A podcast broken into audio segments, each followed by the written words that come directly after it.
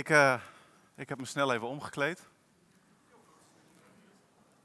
Best wel jammer eigenlijk. Uh, ik, uh, ik ging het pak uh, passen en ik had het gisteravond aan en ik heb, ik heb de hele avond in het pak gezeten. Het zat eigenlijk best wel lekker. Ik voelde me, ik voelde me wel een beetje een, een superheld. En, en ik moet ook zeggen, als je je dan zo voelt, joh, Eva die, die kon niet van me afblijven, die vond het prachtig. Dus, uh, maar goed. Het is dus jammer dat ik hem, uh, dat ik hem uit moet doen, maar beter voor, uh, hè, voor, de, voor ons huwelijk. Met al die vrouwen. Um, goed. Instagram. Dat is de serie waar we nu in zitten. En uh, Nicola die sprak vorige week over foute foto. En hij liet daarbij zien, weet je, er is geen enkele foto van een familie is helemaal perfect. En dat doen we natuurlijk wel graag voorkomen zo op social media. Met name op Instagram is het zomaar even van dat ene leuke moment te midden van de huilende kinderen. En het wil allemaal niet en het gaat niet goed en het loopt allemaal helemaal niet zo lekker. En dat tochtje duurde veel langer dan je had gedacht. Maar dan kun je prima één moment eruit pakken, op de foto zetten. En de hele wereld denkt dat jouw vakantie of jouw tijd fantastisch was. Maar er is dus geen echt perfecte foto van een familie te vinden. Zelfs in de familie van Jezus. Als je kijkt naar de foto van zijn generaties aan het begin van Matthäus, dan staan daar, en dat is überhaupt al uniek, staan er vijf vrouwen. Weet je, en aan vier van die vrouwen, daar mankeerde van alles. Ze waren zondig, ze hadden verkeerde dingen gedaan. En toch staan ze op die familiefoto van Jezus. En dat is een beetje de boodschap van deze serie.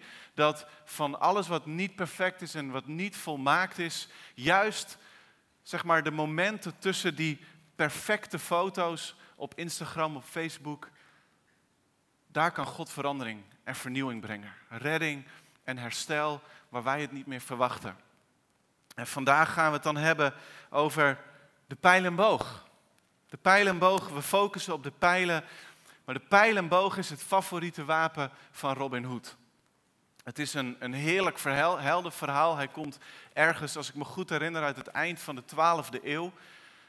Feitje, hij schiet ook in heel veel films met de longbow, maar die bestond toen nog niet eens. Maar goed, Robin Hood die, uh, is een echte held, een klassieke held.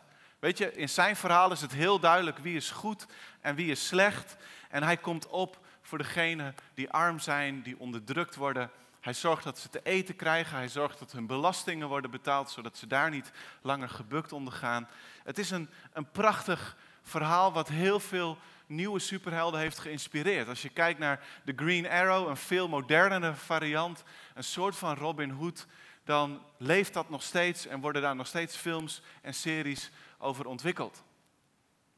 En wat heel erg belangrijk is, voor Robin Hood en voor strijders uit de tijd van koning David en Salomo, uit, ja, uit de geschiedenis van oorlogsvoering. Wat heel belangrijk is, is dat je pijl en boog van goede kwaliteit zijn. Bogen werden vroeger gemaakt uit één stuk hout, dus je zocht de meest geschikte boom uit. Totdat ze erachter kwamen dat als je meerdere soorten hout op elkaar lijmde en combineerde, dan kreeg die boog nog betere eigenschappen. En als je dat met hoorn combineerde, dan werd die nog beter. En zo ging de, onderging de boog een ontwikkeling en uh, de pijlen ook. Pijlen zijn op allerlei manieren gemaakt, van heel simpel, zo'n recht mogelijk stukje hout, een punt opslijpen, totdat ze echt erover na gingen denken. Hé, hey, je hebt een goede, stevige, niet te zware schacht nodig, zeg maar de stok. Dan heb je een punt nodig. Vroeger in, gemaakt in, uh, van steen of van brons of van uh, ijzer, en, um, maar je zocht een goed materiaal om een goede punt te maken. Dan moest er aan het eind iets zitten wat de koers van die pijl stabiliseert. Wat ervoor zorgt dat als je hem die kant op schiet en niet zoals wat er bij mij gebeurde, maar dat je echt ervoor zorgt dat hij de goede richting uitgaat. En dan heb je ook natuurlijk nog een kleine opening nodig. Aan het eind van de pijl om hem op de pees van de boog te kunnen zetten en goed te kunnen schieten. En zo denkt een strijder, zo denkt een Robin Hood heel erg goed na over de pijlen die hij gebruikt en de boog. Hij bereidt het goed voor, hij vormt het zorgvuldig. En zo wordt ook in de Bijbel, worden kinderen op een gegeven moment vergeleken met pijlen. Er staat in Psalm 127, leest u mee. Kinderen zijn een geschenk van de Heer. De vrucht van de schoot is een beloning van God. Als pijlen in de hand van een schutter, zo zijn kinderen, verwekt in je jeugd. Gelukkig de man wiens koker is gevuld met pijlen zoals zij. Hij staat niet te schande als hij zijn vijanden aanklaagt in de poort. Het is goed om te beleiden dat kinderen, als we die mogen krijgen, een geschenk zijn van God. Het is niet een verdienste, het is niet een prestatie, het is een geschenk dat ons wordt toevertrouwd en ons verantwoordelijkheid geeft. Heel veel verantwoordelijkheid om, net als die pijlen zorgvuldig moeten worden gemaakt, ook heel zorgvuldig onze kinderen te vormen en voor te bereiden, zodat ze het doel kunnen treffen waarvoor God ze heeft gemaakt. En waarom is nou die man gelukkig die zijn koker heeft gevuld? In de poort van de stad in die tijd, toen deze psalm werd geschreven, daar gebeurden verschillende dingen. Daar werd gediscussieerd over de wet en over de toepassing van de wet. Er werd recht gesproken. En natuurlijk als vijanden op een stad afkwamen, dan komen ze, proberen ze als eerste door die poort te komen. Dus het was een cruciale plek. En, en de psalmist die zegt van, weet je, als je nou een man bent met heel veel goede pijlen in je koker, dan heb je een streepje voor. Dan, dan sta je op 1-0 als het gaat om rechtspraak, want mijn zonen kunnen voor mij getuigen. En als de vijand ons wil overvallen, dan heb ik strijders, mijn zonen. Ik heb ze getraind, ik heb ze geleerd om met de wapens om te gaan en ze staan achter mij en ze steunen mij. Dus het is een voordeel om die zonen dan te hebben. En vandaag gaat het over opvoeding, gaat het over de helden die die pijlen hebben verwekt en mogen vormen. Maar het gaat ook over veel meer dan dat. Veel wat ons tot goede ouders maakt, maakt ons ook tot goede ooms en tantes. Tot goede leiders. Tot goede coaches en mentoren. Tot goede connectgroepleiders. Tot goede kinderen- en jongerenwerkers en noem maar op. Al de principes die gelden voor ouders zijn nuttig en waardevol voor iedereen. We geloven in deze gemeente dat iedereen een rol speelt in de vorming van de nieuwe generatie. En we hebben heel veel ouders in deze gemeente, maar we hebben, als het goed is, nog meer geestelijke ouders. Nog meer ouders plus ooms en tantes. Nog meer jongerenwerkers en kinderwerkers. We hebben nog meer leiders die verantwoordelijkheid mogen dragen over de kinderen, de vele honderden kinderen, tieners, jeugd en jongvolwassenen die aan deze gemeente zijn toevertrouwd. Drie lichtlijnen wil ik vandaag meegeven. Voor opvoeding, voor leiderschap en voor mentorschap van nieuwe generaties. Vult u in allereerst. Het vormen van de nieuwe generatie is niet instant klaar, maar het begint wel instant. Het start nu.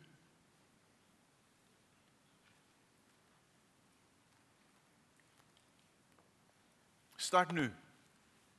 Weet je, Instagram is bedoeld om instant, onmiddellijk, heel erg snel, op hetzelfde moment, in het moment zelfs, te delen wat er gebeurt. Zo net liepen Chang met ons mee en via, volgens mij als ik snel op haar scherm zag, was het Facebook Live. En iedereen kan op dat moment volgen wat we aan het doen zijn. Zo werkt dat. Instant, snel. Even nog een filtertje eroverheen. Even als je iets meer tijd neemt, wat kleuren eh, aanpassen of wat, wat oneffenheden retoucheren. En je kan die foto online zetten. Maar zo werkt het niet bij vorming van kinderen. Het gaat niet snel. Het gaat vaak twee stappen vooruit en dan weer een stap terug. Het is soms confronterend. Het is soms frustrerend. Maar het is zo mooi. Het is zo kostbaar. Het is zo rijk en verrijkend ook voor jezelf. Het is absoluut de moeite waard om aandacht te schenken, om erover na te denken, erover te lezen en vooral nu beginnen er tijd aan te besteden. En dat niet uit te stellen. Ik las deze week over een vader die kon zich nog herinneren dat toen zijn zoon negen jaar oud was geworden, dat hij ineens met zijn vrouw realiseerde, nog een keer dezelfde periode, nog een keer deze negen jaar en onze zoon is 18 en dan gaat hij waarschijnlijk het huis uit. En hij zei, er, er gebeurt iets met de zandloper, het zand gaat ineens veel sneller lopen en er gebeurt iets met de klok, de wijzers gaan ineens sneller lopen. Die tweede negen jaar, die duren veel korter dan die eerste negen jaar. Het gaat zo ontzettend snel. En we hebben soms de neiging om uit te stellen als het gaat om opvoeden. Of leiderschap tonen. Of een mentor te worden voor jonge mensen. Die tijd, die komt nog wel, denken we. Er is nog genoeg. Er is nog, er is nog wel tijd voor mij om dit te leren of om dat te ontwikkelen. Om, om daarover te lezen, om daarover na te denken. Ik ga binnenkort, ga ik mijn tijd anders indelen. Maar de jaren vliegen voorbij. Onze carrières komen op stoom. We krijgen promotie en in plaats van minder tijd moeten we meer tijd besteden aan het werk. De dagen vullen zich sneller en sneller. En hoe ouder kinderen worden, hoe meer er op hen afkomt als het gaat om sociale druk, media, opleidingen kiezen, hobby's en op een gegeven moment baantjes. Er komen meerdere kinderen, misschien, die allemaal aandacht vragen. De tweejarigen voor een tijd meer dan de negenjarigen. En zo vliegt de tijd voorbij. Het beeld is denk ik duidelijk. Als we goede opvoeders, goede leiders, goede mentoren willen zijn, dan, dan moeten we ons realiseren dat het misschien niet instant klaar is, maar dat het wel nu begint. We moeten nu de keuzes maken.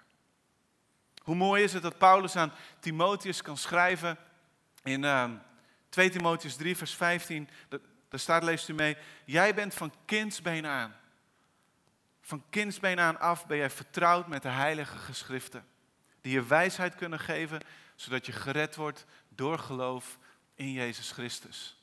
Van kindsbeen af aan. Mijn eigen ouders waren en zijn niet perfect, maar in heel veel opzichten zou ik wel hun voorbeeld willen navolgen. En zeker als het hier om gaat. Van kindsbeen af, eten was ook bijbellezen. Bijbellezen was er ook de tijd voor nemen om erover te praten, over te discussiëren, om dingen op te helderen. Naar bed gaan was niet het, het riedeltje tanden poetsen, een washandje over het gezicht, hup op bed en klaar. Nee, het was ook een stuk uit de Bijbel lezen, een boekje erbij doen, een Bijbeltekst uit het hoofd leren, een creatieve verwerking erbij en weer vragen kunnen stellen, doorpraten. Hoe kan ik doen als ik zeven, dit doen als ik zeven jaar oud ben, als ik negen jaar oud ben? En die tijd heeft mij gevormd, heeft een basis gelegd. Ouders, stel geloofsopvoeding niet uit. En gemeente, stel niet uit de verantwoordelijkheid die jij kunt nemen voor de nieuwe generaties. Of het nu kinderen zijn, of tieners, of jeugd, of jongvolwassenen. Wat kan jij betekenen? Wat kan jij geven en investeren? Ik wil Floris naar voren vragen.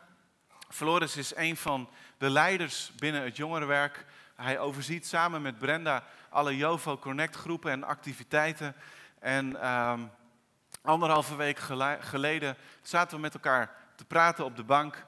En um, toen kwamen we tot de conclusie dat Floris het podium op moest. Dus ik wil er verder niks over zeggen. Floris, aan jou het woord. Dankjewel. Ja, dat was anderhalve week geleden zaten we bij Jelman en Eva. Ontzettend uh, goed, lang gesproken. Ehm, over van allerlei zaken. En toen ik hoorde dat Jelme vandaag hierover ging preken, ik, begon te stralen, want uh, ik weet niet of valt het jullie wel eens op als je om je heen kijkt hier in de zaal. Hoe ontzettend bijzonder de samenstelling van de groep hier in de Salvator is. Dat is echt, ik, iedere zondag kom ik hier binnen en ik geniet enorm. Um, ik ben samen met Brenda vooral verantwoordelijk voor de, de jongvolwassenen. Wil iedereen tussen 18 en 28 even gaan staan? Han, eventjes... Uh... Nee, Leo, jij blijft zitten. Als je omheen kijkt, dit is heel ontzettend uniek. Dit kom je bijna niet tegen. Zo'n groep mensen die zondag aan zondag in de dienst is en er niet passief zit, maar actief is. Jullie mogen gaan zitten. Maar het is echt heel erg gaaf om te zien, iedere zondag, dat mensen hier zijn.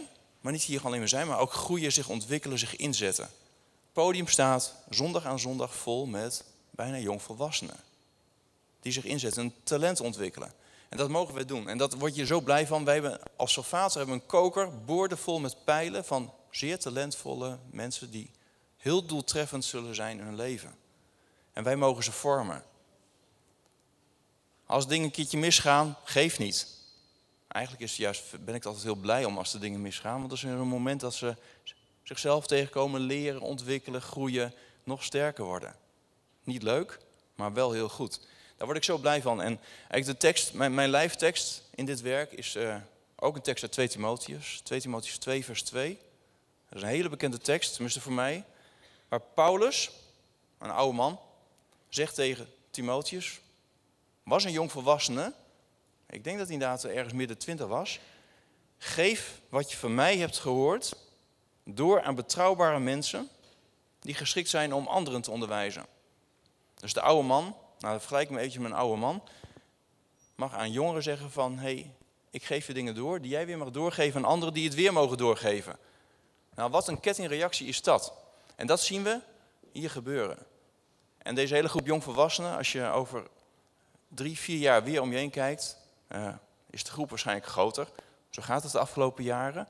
Maar zie je allemaal andere gezichten. Want heel veel van de jongvolwassenen die hier nu zitten, zitten over een paar jaar ergens anders. Ergens anders in het land, in het buitenland soms. En hoe mooi is het dan dat wat ze hier geleerd hebben, wat ze mogen, de ruimte die we ze geven om talenten te ontwikkelen, om dat ja, uit te delen en ergens anders tot dienst te zijn en daar doel te treffen. Dus onze koker, ja, die stroomt af en toe leeg, maar stroomt net zo hard weer vol. En daarom ja, zijn we er continu bezig op zoek naar om, om iedereen erbij te trekken en uh, de ruimte te geven. En daarom uh, creatieve dingen. vanaf vandaag gaan we gewoon na de dienst zeggen, weet je wat, die hoek daar links achter in de kerk, dat is de koffiehoek voor de jongvolwassenen. Als je nieuw bent hier, je kent nog niemand of bijna niemand, ga daarheen. Er staan heel veel andere leeftijdsgenoten ook koffie te drinken. Maak kennis, leer elkaar kennen. Kom hier al langer, spreek daar even de anderen ook aan. Neem ze mee, trek ze erbij. Zorg dat we telefoonnummers, e-mailadressen hebben. Dat soort zaken om elkaar op te zoeken, vast te houden, te betrekken in alles wat we doen. Ik word zo blij hier. Uh, Jelmer, wou je de preek nog afmaken of uh, laat je het hierbij? Heb je nog wat? nee. nee, ik denk dat Jelmer wel een paar praktische tips heeft. Uh. Oké, okay. hey, dankjewel. Ja, supermooi.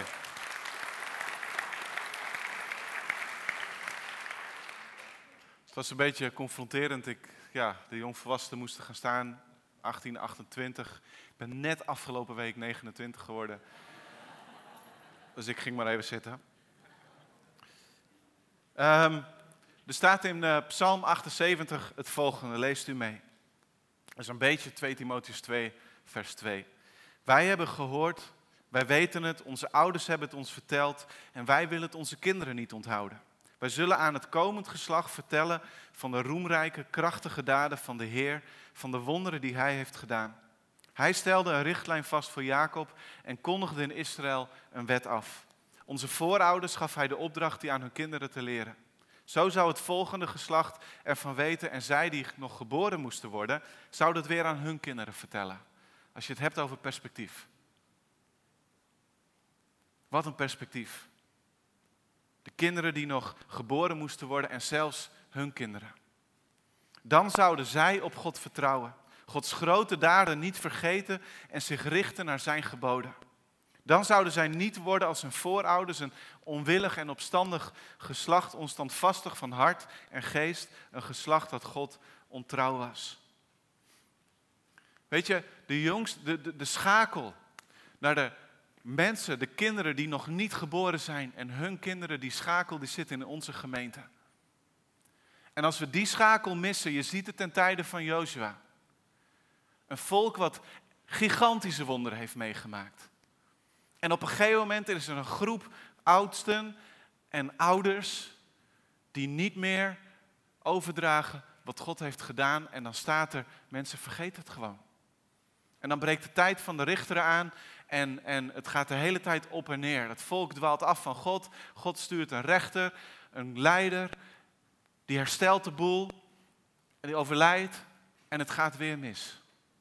En ik zou niet onderdeel willen zijn van zo'n schakel in de geschiedenis. Van zo'n ketting waarbij, waarbij ik ervoor zorg dat de volgende schakel niet verbonden raakt.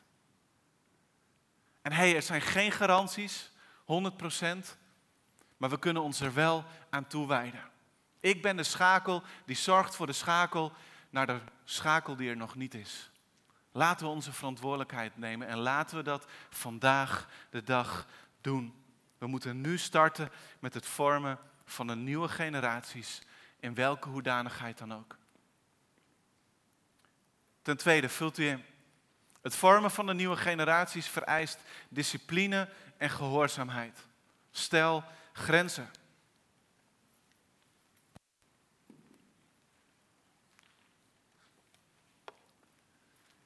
Discipline en gehoorzaamheid. Het zijn, het zijn niet de modewoorden van deze tijd, maar ze zijn wel essentieel. In Hebreeën 12, vers 5 tot en met 6 en 10 en 11 daar staat, kennelijk bent u de bemoediging vergeten die tot u als tot kinderen wordt gericht. En dan verwijst de schrijver naar Spreuken 3, vers 11. Mijn zoon, je mag een vermaning van de Heer nooit terzijde schuiven en nooit opgeven als je door hem terechtgewezen wordt. Want de Heer berispt wie hij lief heeft. Straft elke zoon van wie hij houdt. Onze aarde, aardse vaders berispten ons, maar voor korte tijd. En naar eigen goeddunken. Maar hij berispt ons voor ons eigen bestwil om ons te laten delen in zijn heiligheid. Een vermaning lijkt op het moment zelf geen vreugde te brengen, slechts verdriet. Maar op den duur plukt wie erdoor gevormd is de vruchten ervan. Een leven in vrede en gerechtigheid. Weet je, toen ik jonger was en ik zag ouders met kinderen door de supermarkt gaan en zo'n kind die zat te schreeuwen en te krijsen en die viel op de grond en die luisterde niet en die pakte dingen uit de schappen wat niet mocht. Toen dacht ik wel eens van, joh, zo ver zou het toch niet moeten komen. En als je nu dit en dit zegt, weet je, volgens mij komt het dan helemaal goed. Dat deed ik niet, want het was niet mijn kind. Ik bedoel, nu ben ik zelf de ouder die soms met zijn zoon door de supermarkt gaat. En hij ligt op de grond en hij klimt in de schappen en ik ben hem kwijt. En ik zit met mijn handen in mijn haar. Wat ik toen dacht, werkt nu helemaal niet als ik dat zeg. En wat ben ik dan blij dat er niet een of andere jonge, arrogante kwast opstaat en die mijn zoon aanspreekt en bestraffend toespreekt en hem vertelt hoe hij zich moet gedragen. Nee, dat is mijn verantwoordelijkheid. Joa is mijn zoon. Hij maakt onderdeel uit van mijn familie. En ik corrigeer hem. En ik stel de grenzen en ik voer ook de consequenties uit die ik met hem heb besproken. En zo werkt het ook met God.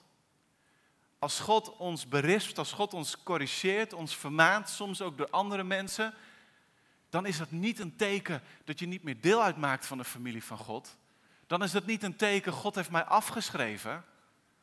Dan is het een bewijs dat God van jou houdt. Dat je lid bent van het gezin en daarom voedt God jou op. Donderdagavond hadden we etens bij ons thuis. En wat belangrijk is te weten, een van die etens is gezinscoach. En Joa die wilde niet eten, weigerde te eten. Dus ik moest al in mezelf een beetje lachen. Ik denk, oh man, dan moet ik zondag preken. Gaat ook over opvoeding. Ik zit hier bij een gezinscoach. Nou moet het lukken. Om heel zachtmoedig, maar toch beslist en duidelijk mijn zoon aan het eten te krijgen. Dat lukte voor geen meter. Hij was ook heel erg moe. Dus ik maakte er een grapje over naar hun en ik zei tegen, of met Eva sprak af, weet je, nou, hij was al vanaf vier uur doodmoe, dus we, we, staan, eh, we doen even makkelijk. We willen ook gezellig samen eten met onze gasten, dus hij mag een filmpje gaan kijken. Maar ik zei nog, jullie mogen het niet vertellen in de kerk, maar nou ja, ik denk, laat ik zelf maar zo eerlijk zijn en dat zeggen, dat het niet altijd lukt met die grenzen. Het is soms best moeilijk om ook op ieder moment die grenzen te stellen en vooral ze te handhaven. Maar we moeten weten dat grenzen ontzettend belangrijk zijn. Kinderen, maar ook vaak tieners, jongvolwassenen en volwassenen, die moeten leren om verantwoordelijkheid te dragen. Voor hun gedrag, voor hun houding, voor hun emoties, voor hun doen en laten. Het is ontzettend belangrijk om ze bijvoorbeeld basisregels te leren van sociale omgang. Om normen en waarden aan te leren.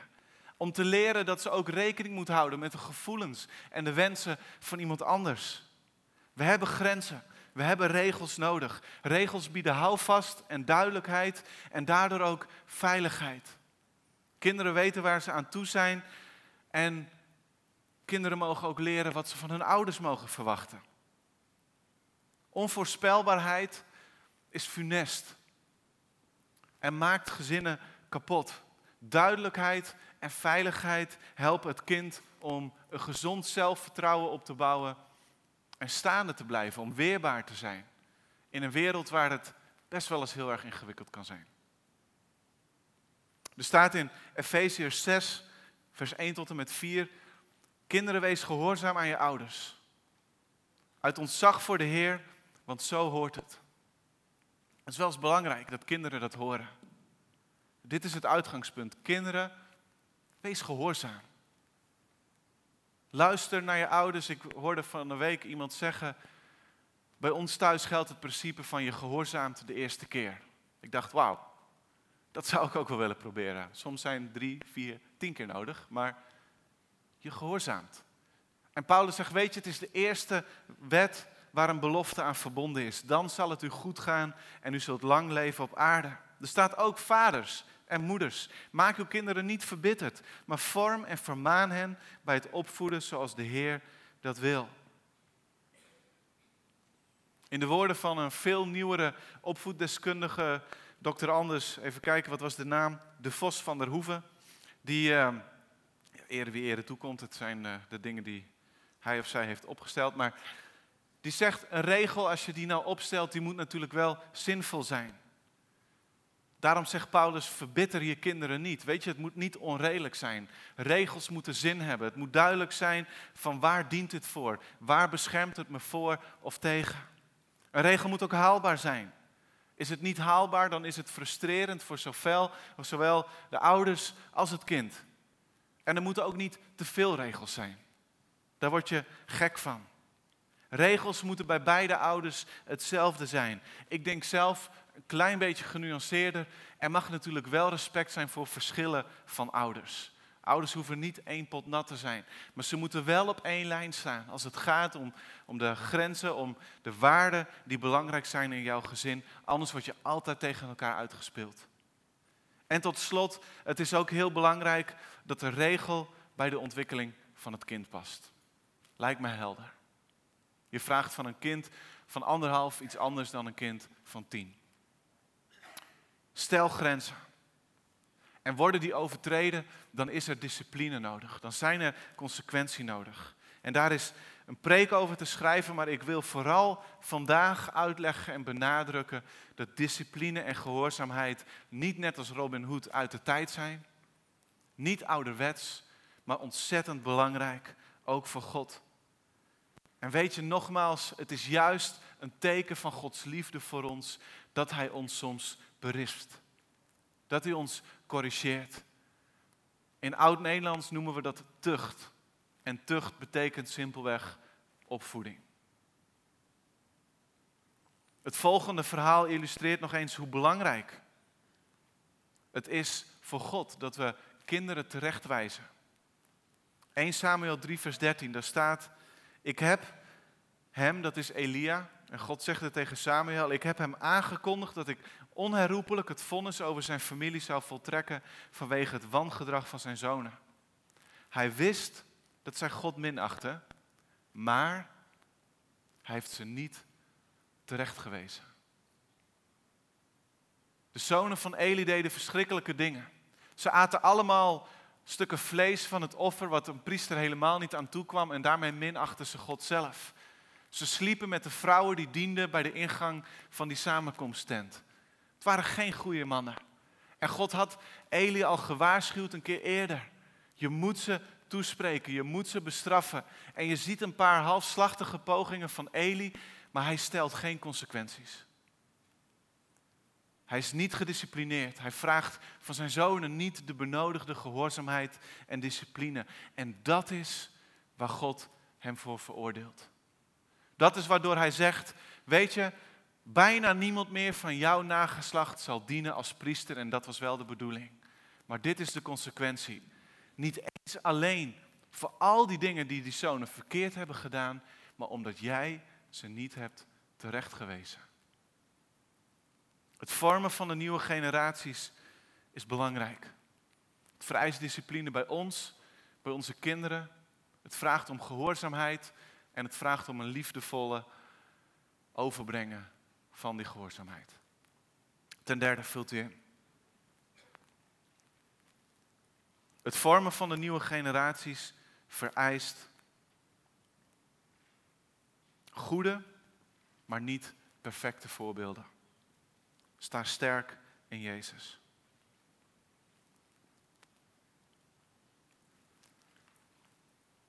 Het is een hele mooie tekst als het gaat om geloofsopvoeding voor ouders, voor familie, voor connectgroepleiders, voor weet je, iedereen die een leiderschapspositie heeft en verantwoordelijkheid draagt of wil dragen voor jongere mensen is een prachtige tekst, Deuteronomium 6, vers 5 tot en met 8. Daar staat, heb daarom de Heer, uw God, lief, met hart en ziel en met inzet van al uw krachten. Houd de geboden die ik u vandaag opleg steeds in gedachten. Prent ze uw kinderen in, spreek er steeds over thuis en onderweg, als u naar bed gaat en als u opstaat. Draag ze als een teken om uw arm en als een band op uw voorhoofd.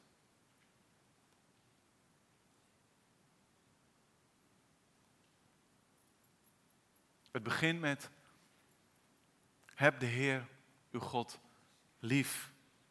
Het begint met, houd de geboden die ik u vandaag opleg steeds in gedachten. Het begint bij de opvoeder. Het begint bij de relatie van een ouder, van een trainer, van een leider, van een mentor die hij of zij heeft met God. Als dat stukje ontbreekt, dan kan je wel heel streng en heel erg vanuit de hoogte zeggen, ik, kinderen, ik prent het jullie in, want dit moet, dit moeten jullie onthouden. Als het niet komt vanuit jouw relatie met God, met Jezus en met de Heilige Geest, dan is er geen vrucht.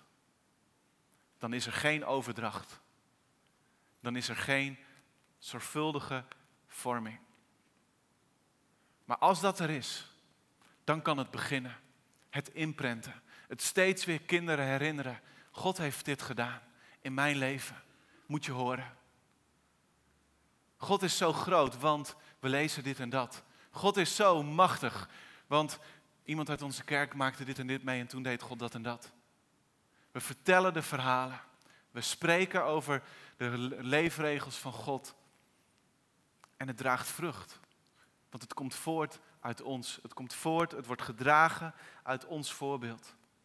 Sommige mensen die zeggen, heel erg vroom, ik volg geen leiders. Ik volg Jezus. En ik ben er absoluut van overtuigd dat de eerste en ten diepste ook de enige die we moeten volgen, Jezus is. Maar durven we als ouders, durven we als leiders, durven we als kinder, jongerenwerkers enzovoort ook te zeggen met Paulus. Leest u mee. Filippenzen 3, vers 17. Volg mij na, broeders en zusters. En kijk naar hen die leven volgens het voorbeeld dat wij gegeven hebben. Volg mij na, zegt Paulus. En in 1 Corinthians 11, vers 1, daar zegt hij iets anders, maar dan begrijpen we het misschien nog wat beter. Dus volg mij na, zoals ik Christus navolg. Op die manier zouden mensen ons moeten volgen, zouden kinderen ons moeten volgen. Josh Surratt, een voorganger uit Amerika, die zegt, we onderwijzen wat we weten, maar we brengen voort wie we zijn. We onderwijzen wat we weten, maar we brengen voort wie we zijn.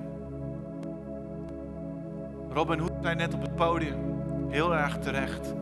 Als je wilt dat je kinderen ooit het goede voorbeeld willen zijn, moet jij het goede voorbeeld geven. Wij moeten onze kinderen, onze tieners, onze jeugd, moeten we voorleven wie wij willen dat ze zullen worden. We moeten het voordoen. Kinderen zijn ons toevertrouwd. In deze gemeente, ik weet het niet helemaal precies, maar iedere zondag komen er zo'n 120 kinderen in de kinderkerk. En in totaal, als je kijkt naar kinderen van 0 tot 12, van tieners van 12 tot en met 15, van jeugd van 16 tot en met 18. En dan nog jongvolwassenen van 18 tot 34. Er zijn er minstens 250, ik denk wel 300 of nog meer. En er zitten hier heel veel ouders, prachtige ouders. Er zitten hier heel veel ooms en tantes. Er zitten hier grote broers en grote zussen met nog hele jonge broertjes en zusjes. En weet je, die kinderen die zijn ons toevertrouwd. Het zijn de pijlen in onze koker. We moeten ze vormen. We moeten erover nadenken. Wat investeren we in? Welke tijd besteden we aan hen? Wat leven we hen voor? Hoe gaan wij om met het leven en de uitdagingen van het leven? Hoe leven wij? Met die fantastische grote God. Die machtige daden deed in het verleden, in het heden en machtige daden in de toekomst zal doen. Wat laten we zien? Hoe vormen wij die pijlen? Weet je, kinderen zijn een geschenk van God.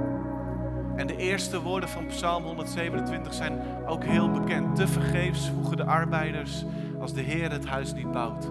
Weet je, deze hele psalm ademt. Wat je hebt, heb je van God gekregen. En al je inspanning werkt niks uit als God er niet achter zit. Maar wij mogen God als basis leggen in ons leven. Om in onze opvoeding en in onze vorming pijlen sterk staand in de drie enige God te vormen, zodat ze Gods doel voor hun leven zullen raken. Is het niet geweldig? Wat een verantwoordelijkheid voor ons allemaal. Weet je, de Jovo Connect groepen, ze, ze peulen uit. Het ene moment heeft iedereen een plekje, het andere moment, en het zou eigenlijk niet zo moeten zijn, staan er vijf en weer tien mensen op de wachtlijst. Waar kunnen we ze een plekje geven? Opstaan. We moeten die nieuwe generaties vormen. En doe het, doe het vanuit de kracht van God. Je hoeft niet alle leiderschapsvaardigheden te hebben. Je hoeft niet de beste Bijbelstudies te kunnen geven. Je hoeft niet de beste verhalen vertellen te zijn aan de overkant. Je hoeft niet een puberdeskundige te zijn. Maar leef met God. En zeg dan, weet je wat, dat ga ik doen. Ik zorg iedere keer, ieder moment dat ik net een klein stapje voorloop op de mensen, op de kinderen die mij zijn toevertrouwd. Ik ben iedere keer een stapje voor en ik leer hoe ik die stap heb gezet. Ik ben, zet een nieuwe stap zelf en ik doe die stap voor. We kunnen allemaal wat betekenen. Laten we die verantwoordelijkheid nemen over de pijlen die God aan ons heeft toevertrouwd. Ik wil met jullie bidden. Lieve God en Vader, dank u wel. Heer, dat we zoveel jonge mensen mogen verwelkomen. Dank u wel dat u ze ons toevertrouwt, Heer. En die verantwoordelijkheid die we hebben gekregen, we doen het niet altijd optimaal. We doen het niet altijd perfect. We zijn niet altijd het goede voorbeeld. Maar Heer, we geven wat we hebben. We geven wie we zijn aan U. En we beseffen vandaag, Heer, dat het pijlen zijn niet in de koker van die ander, maar in onze koker. Vader, help ons om waar nodig ons levenspatroon om te gooien. Zodat we de verantwoordelijkheid kunnen nemen en niet langer uitstellen. Niet over een maand, niet over een jaar moeten we patronen veranderen, Heer, maar vandaag. Om de jonge generatie te vormen. Heer, help ons om grenzen te stellen. Uw grenzen, uw leefregels. Niet te veel.